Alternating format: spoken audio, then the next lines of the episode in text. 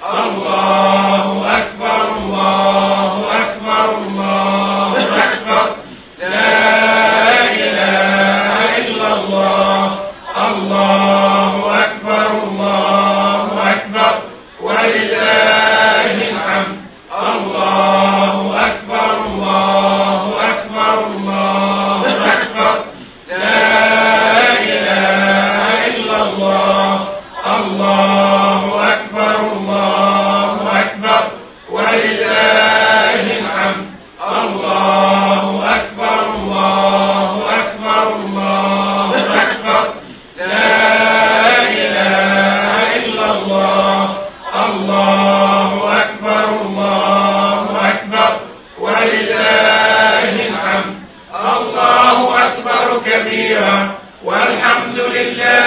كثيرا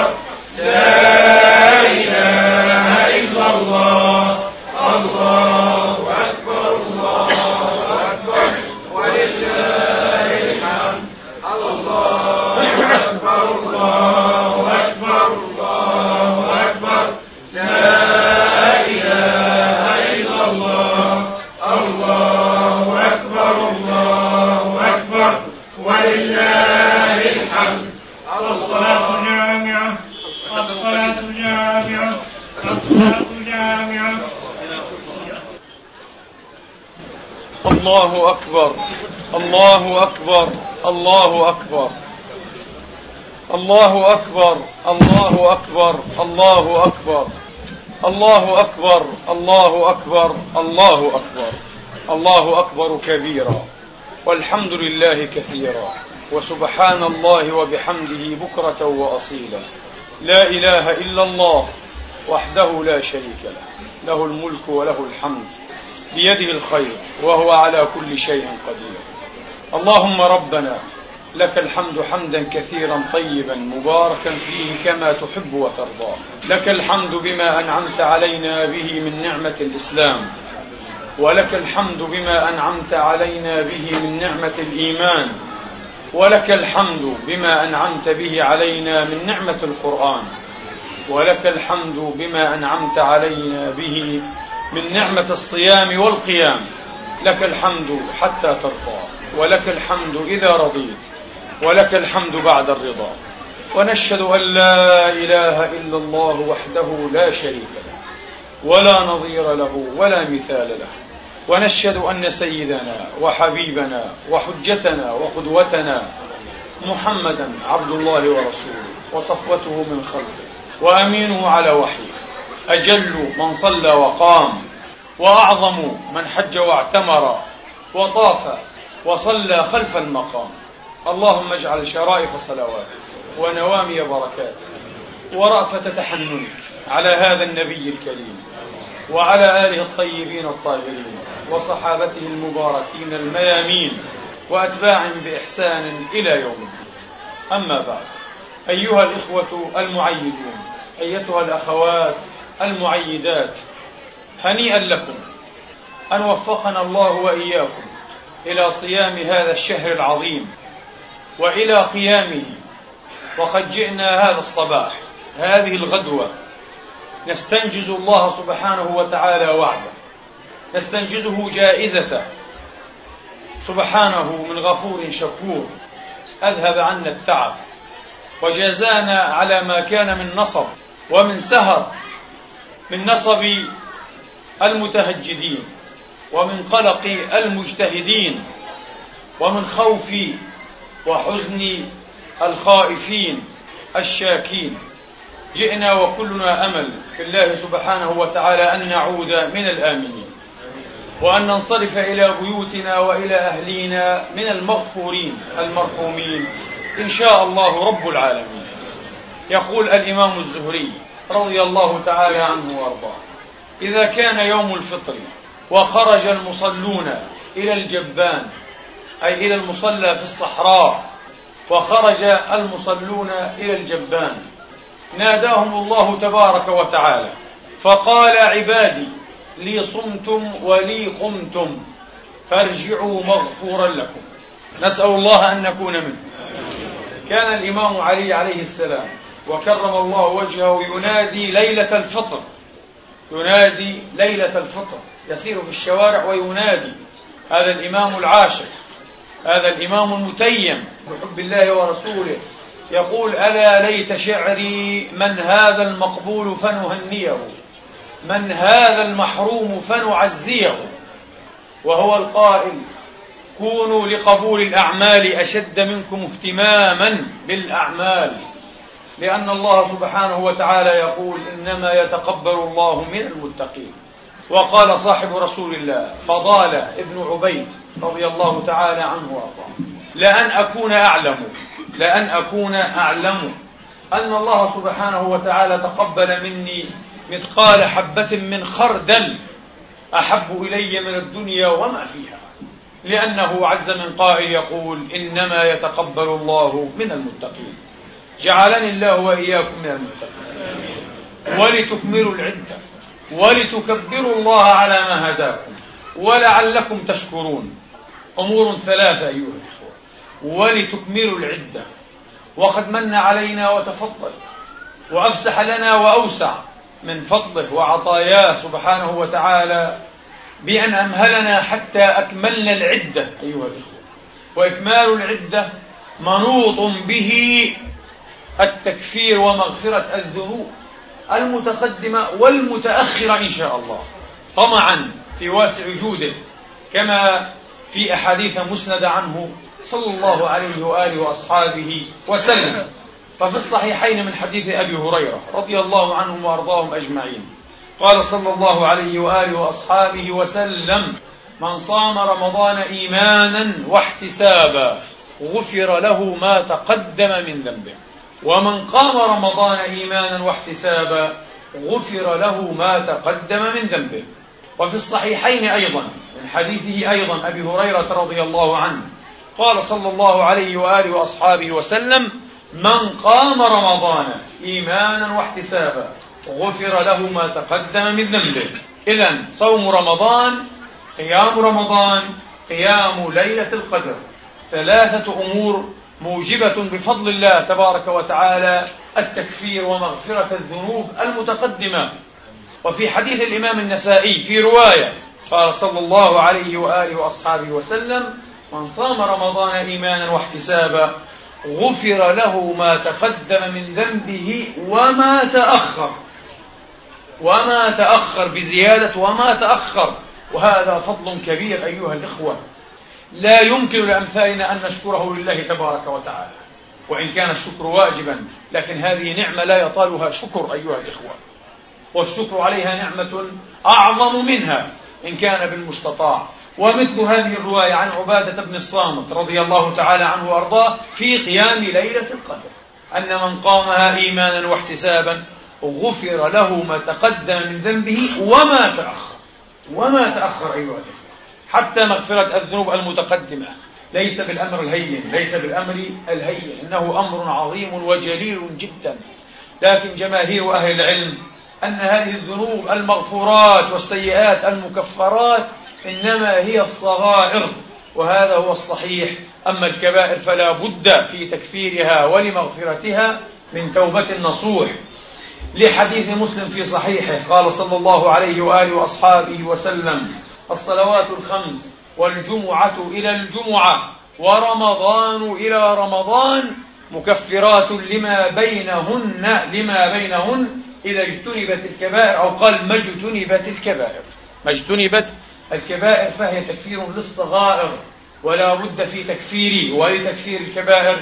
من توبة نصوح نسأل الله أن يرزقناها وإياكم والمسلمين والمسلمات أجمعين. اللهم آمين. إذا أيها الإخوة تكفير الذنوب ومغفرة وستر العيوب منوط بالتمام بتمام الشهر وإكمال العدة ولتكملوا العدة. وهذا ما أعطاناه ربنا سبحانه وتعالى. فله الحمد وله الشكر. هذه نعمة بحد ذاتها تقتضي شكرا أيها الإخوة. أن أمكننا من الإكمال والإتمام نعمة تقتضي شكرا قال السادة العلماء والعارفون ولعل أمره صلى الله عليه وندبه صلى الله عليه وآله وأصحابه وسلم إلى صيام الأيام الست من شوال لعله يكون من باب الشكر على هذه النعمة على ما وفق الله من الصيام والقيام في إتمام من الصيام والقيام في إتمام. في صحيح مسلم من حديث أبي أيوب رضي الله عنهم وأرضاهم أجمعين. قال صلى الله عليه وآله وأصحابه وسلم تسليما كثيرا. من صام رمضان ثم أتبعه ستا من شوال كان كصيام الدهر من صام رمضان ثم أتبعه ستا من شوال كان كصيام الدهر قالوا هذا الصيام لعله من باب الشكر أيها الإخوة. لعله من باب الشكر. وهذا أيضا يقتضي شكرا. إذا كان شكري نعمة الله نعمة علي له في مثلها يجب الشكر. علي له في مثلها يجب الشكر. فلا يمكن الشكر إلا بفضله. وإن طالت الأيام واتصل العمر. وإن طالت الأيام واتصل العمر. فالشكر أيضا نعمة تقتضي شكرا. نسأل الله أن يجعلنا من الشاكرين. وأن يكتبنا عنده من عباده الصابرين. الذين يوفون أجرهم بغير حساب. اللهم آمين. ولتكملوا العدة. ولتكبروا الله. أيها الإخوة. كنا قبل هذه الصلاة المشهودة. أيها الإخوة نكبر الله تبارك وتعالى. من ليلة أمس ونحن نكبر الله تبارك وتعالى. وبدأنا صلاتنا بتكبير. وبدأنا الخطبة بتكبير. والخطبة الثانية بتكبير. هل شعرتم أيها الإخوة والأخوات أن التكبير هو شعار المنتصرين؟ هل أشعرتم أنفسكم أن التكبير هو صيحة الظافرين؟ تكبير في الصلاة فتحريمها التكبير انتقالاتها التكبير تكبير في العيد أيها الإخوة بعد إتمام الصيام تكبير في الحج لن ينال الله لحومها ولا دماؤها ولكن يناله التقوى منكم كذلك سخرها لكم لتكبروا الله على ما هداكم وبشر المحسنين شعار التكبير واضح وجلي جدا في الحج. تكبير هنا وهناك وهنالك من شتى صروف عباداته سبحانه وتعالى. لماذا؟ لماذا نكبر اليوم أيها الإخوة؟ هل كنا في معركة؟ نعم ودونها كل المعارك. كنا في معركة مع الشيطان. كنا في معركة مع النفس مع الهوى مع الغرض مع هشاشتنا مع ضعفنا أيها الإخوة مع خنوعنا مع تخليطنا مع نوازعنا مع غرائزنا مع رغائبنا. كنا في معركة وبحمد الله تبارك وتعالى انتصرنا. انتصرنا ورجحنا مال الله على مال النفس. رجحنا مال الله على مال الشيطان. قال موسى صلى الله عليه وآله وأصحابه وسلم أي ربي أوصني بوصية وخصني بها. وصية خاصة بي أنا الكليم فقال أوصيك يا كليمي بي. يا لها من وصية. أوصيك يا كليمي بي. أوصيك يا كليمي بي. ثلاث مرار.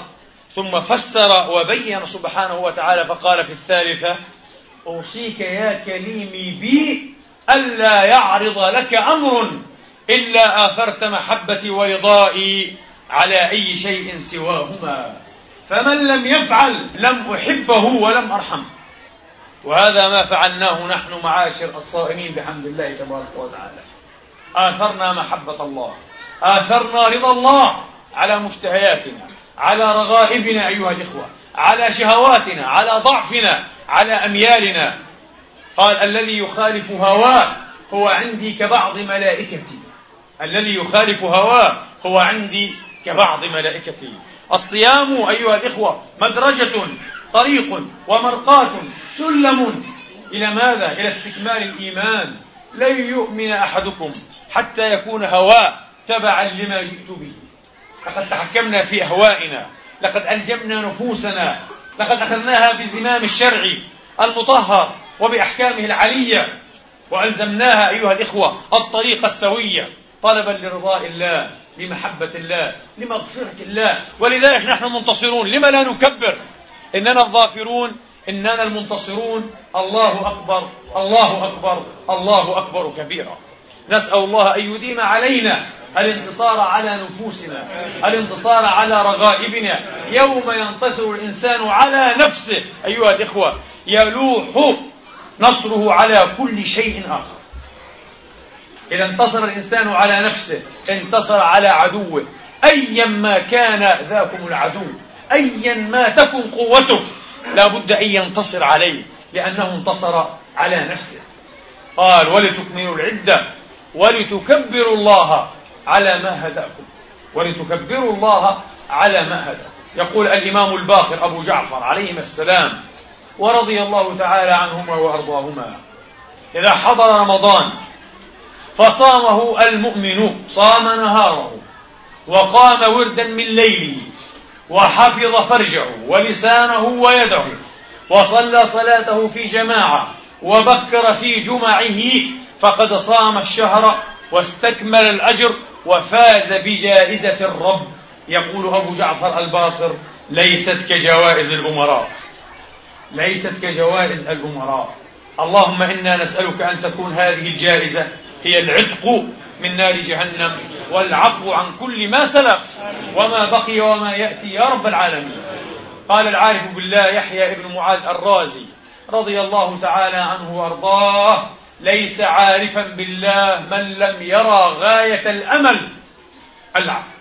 ليس عارفا بالله من لم يرى غاية الأمل. أي غاية أمله في الله. ما هي؟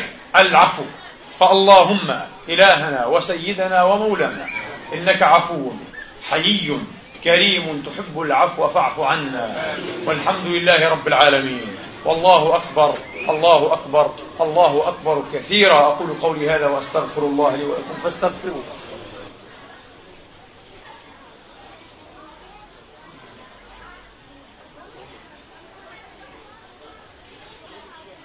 الله أكبر الله أكبر الله أكبر. الله أكبر الله أكبر الله أكبر. الله أكبر كبيرا والحمد لله كثيرا وسبحان الله العظيم وبحمده بكرة وأصيلا. الله أكبر ما صام صائم بأمر الله. الله أكبر في مثل هذا اليوم ما أفطر هذا الصائم ما سقي وما أكل وما طعم وما أفطر. صمنا بأمر الله أيها الإخوة. واليوم نفطر بأمر الله تبارك وتعالى. وهكذا تفنى حظوظ النفس ويبقى منهاج الشرع. نسأل الله أن يقيمنا عليه جميعا. أيها الإخوة والأخوات سألني أحدهم كيف لي أن أستقيم بعد رمضان؟ سألني في إحدى ليالي رمضان كيف لي أن أستقيم فلا أزيغ بعد أن ينقضي وبعد أن يتولى هذا الشهر؟ وكما ترون تولى وانقضى سريعا مذكرا بسرعة ووحي انقضاء مهلتنا في الدنيا. كما انقضى هذا الشهر ينقضي العام وتنقضي السنون وهكذا ينقضي العمر. سريعا أيها الإخوة. لم يفت أن دخل حتى ترحل. لم يفت أن دخل حتى ترحل. تذكرت أياما مضت وليالي خلت فجرت لذكرهن دموع ألا هل لها يوما من الدهر عودة؟ وهل إلى وقت الوصال رجوع؟ وهل بعد انقطاع الحبيب؟ وهل بعد انقطاع الحبيب رجوع؟ وهل لبدور بعد أفولهن طلوع؟ نسأل الله أن يطلع علينا هلال رمضان أعواما عديدة وسنين مديدة بفضله ومنه. فقلت له أيها الأخ الكريم السائل أوثق ما ينبغي عليك أن تستوثق به وتستمسك بعروته بعد الثقة واليقين بالله والاستمداد منه والاستعانة به. الصحبة الصالحة الصحبة الصالحة. هل يرضى أحدنا بدلا من إخوانه الذين قضى معهم ثلاثين ليلة قائما قارئا تاليا مصليا داعيا مؤمنا؟ هل يرضى بهم بدلا من إخوان السوء أيها الإخوة أو من إخوان الشياطين. ولئن سألني هذا الأخ وأمثاله أصاحب من دلني عليهم. فسأجعل أيها الإخوة جواب هذا السؤال وصلا لكلمة العارف الكبير يحيى ابن معاذ الرازي التي قال فيها على ما سمعتم ليس بعارف من لم يجعل غاية الأمل إلى آخره. ليس بعارف. من هو العارف أيها الإخوة؟ من هو العارف؟ نبحث عنه. ننقر عنه ونلتزم به. نلازمه فلا نفارقه أيها الإخوة. قالوا صحبة العارف تنقل من ست إلى ست. صاحبوا هؤلاء الناس وفارقوا غيرهم. إن وجدتموه وإن شاء الله موجودون. صحبة العارف تنقل من ست إلى ست. تنقل من الغفلة إلى اليقظة. من كان غافلا يستيقظ بصحبتهم إن شاء الله تعالى. وتنقل أيها الإخوة من الرغبة في الدنيا إلى الرغبة في الآخرة. وتنقل من الرياء إلى الإخلاص. وتنقل من الرياء إلى الإخلاص. وتنقل من الغيبة إلى الشهود. وتنقل صحبتهم من سوء الطوية إلى إمحاض النصيحة وتصحيح النية. إلى إمحاض النصيحة للخلق وتصحيح النية. وتنقل من الانغماس في المنكرات إلى الانقطاع إلى المبرات والأمر بالمعروف بعد أن كان أمارا بالمناكر والعياذ بالله. إذا وجدتم أيها الإخوة من هذا حاله وهذه صفاته فالزموه واستعينوا بالله تبارك وتعالى وبصحبة أمثال هؤلاء على مواصلة الطريق إن هي إلا أيام معدودات وليالي منزورات حتى نلقى أيها الإخوة جزاء ما قدمنا وكفاء ما أسلفنا. لا أقول غدا وإنما أقول اليوم يحصد الزارعون ما زرعوا. اليوم توفى النفوس ما كسبت ويحصد الزارعون ما زرعوا. إن أحسنوا أحسنوا لأنفسهم وإن أساءوا فبئس ما صنعوا. الله أكبر الله أكبر الله أكبر كبيرا والحمد لله كثيرا. اللهم لك الحمد حمدا يليق بجلال وجهك وبعظيم سلطانك. نعوذ برضاك من سخطك وبمعافاتك من عقوبتك. ونعوذ بك منك. لا نحصي ثناء عليك. أنت كما أثنيت على نفسك. اللهم إنا نسألك أن تجعل تجمعنا هذا تجمعا مرحوما وتفرقنا من بعده تفرقا معصوما. اللهم لا تدع فينا شقيا ولا مطرودا ولا محروما. اللهم لا تردنا إلى بيوتنا وأهلينا إلا وقد قلت لنا وهتفت بنا. انصرفوا مغفورا لكم. اللهم بفضلك ومنك. اللهم يا عفو يا كريم. اعف عنا بفضلك ومنك. يا ذا الجلال والإكرام. اللهم وصل على عبدك وصفيك وحبيبك محمد. واجزه عنا خير ما جزيت. رسولا في أمته وعن رسالته يا رب العالمين. اللهم صل عليه في الأولين وصل عليه في الآخرين وصل عليه في الملأ الأعلى إلى يوم الدين وإلى أبد الآبدين. اللهم إنا نسألك أن تحيينا على سنته وأن تميتنا على ملته وأن تحشرنا يوم القيامة في زمرته وتحت لوائه. اللهم أوردنا حوضه اللهم أسعدنا بشفاعته اللهم اسقنا بيده الشريفة شربة لا نظمأ بعدها أبدا. أبدا اللهم أصلحنا وأصلح بنا. اللهم أصلح أبناءنا وبناتنا وأزواجنا. اللهم أصلحنا وأصلح أهلينا أجمعين. برحمتك يا أرحم الراحمين. اللهم أعد علينا رمضان أعواما عديدة وسنين مديدة واجعلنا فيهم المقبولين المسعودين المبرورين. برحمتك يا أرحم الراحمين. وآخر دعوانا أن الحمد لله رب العالمين.